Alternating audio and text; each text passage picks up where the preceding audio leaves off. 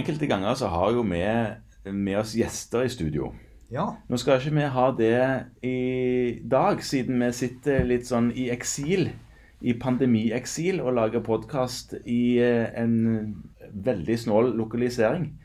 Og, og det er klart at det ville vel heller ikke vært helt i tråd med FHIs og andres retningslinjer å dra enda et menneske inn her og Nei, vi må jo sitte med disse to eh, drøyt meterne i avstand. Ja. Så det ville ikke vært bra å få inn flere. Nei. Men grunnen til at jeg tok og snakket om gjest, det var en gang så hadde vi Cato her i Nadal. Det hadde vi. Og da snakket vi om klagesaker og denne prosessen som har med det å gjøre.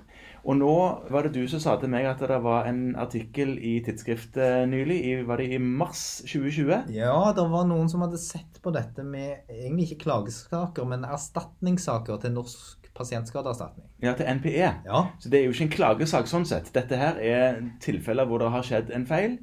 Hvor pasienten har klagt inn eh, feilen for å få økonomisk kompensasjon. Ja, og den skal vi ikke gjenta alt det, men det skiller seg jo litt fra klagesakene til Fylkesmannen, selv om de ofte følges litt ad. Ja så skiller det seg allikevel vesentlig. Og eh, det som er der, det er noen sånne grunntall, og det er at fra, fra 2011 til 2017, som de hadde sett på, så var det nesten 34 000 erstatningskrav som var sendt til, til NPE.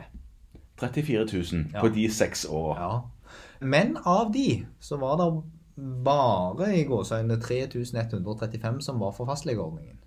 Så snaut, eh, snaut 10 Snaut 10% og, og det er jo interessant ut ifra at vi vet at det er jo langt, langt mer enn enn 10 av behandlingen som foregår i, i fastlegeordningen. De fleste konsultasjonene i det norske helsevesenet foregår på Ja, fastlegekontorene. Ja, var inne så litt på statistikken på det, så vi har flere konsultasjoner der enn det er på sykehuspoliklinikker og privatpraktiserende poliklinikker. Sammenlagt. Er sammenlagt, ja.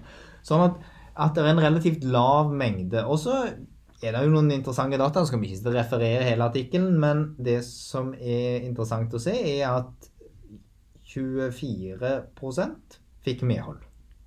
24% av de snaut 34 000 som klagde, Fikk fikk medhold. Ja.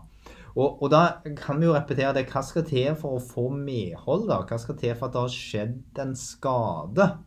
Og da er det sånn at For det første så må skaden ha skyldes behandlingen eller mangel av behandling. Mhm.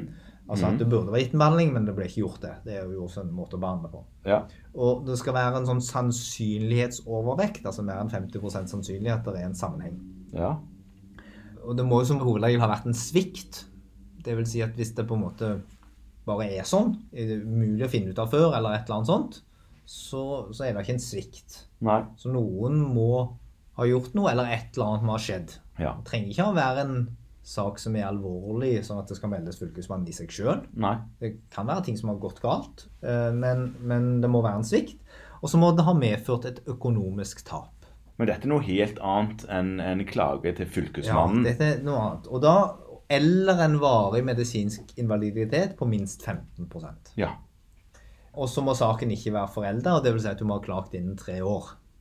ja men det, hvis du ikke klarer det, så tenker jeg at da kan det umulig ha vært så alvorlig.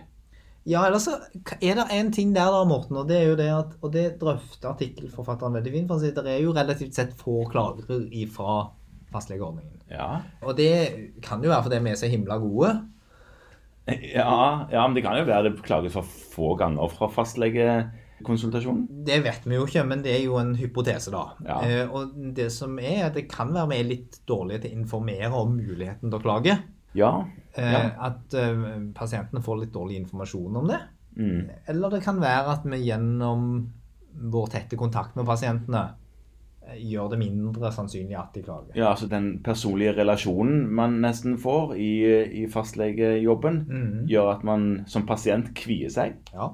For det blir som en anmeldelse, liksom. Ja, Ja. sånn at uh, det er forskjellige årsaker til det, og da må en se grundigere på dataene. Men jeg tenker det er interessant, og kanskje en sånn liten sånn påminnelse om at hvis det har skjedd noe feil, Ja. så har man plikt til å informere om at de kan klage. Ja, for det er ikke en fallitterklæring å, eh, å ha behandla en pasient som får støtte fra NPE for noe galt som har skjedd. Nei, og jeg tenker kanskje det er greiere å føle på at du fikk på en måte gjort litt opp for dette, hvis Ja. du sitter og føler på at dette var ikke helt optimalt, det du hadde holdt på med. Eh, eh, Dette, dette ble ikke bra. Nei. Nei. Enig. Det er nok lurere.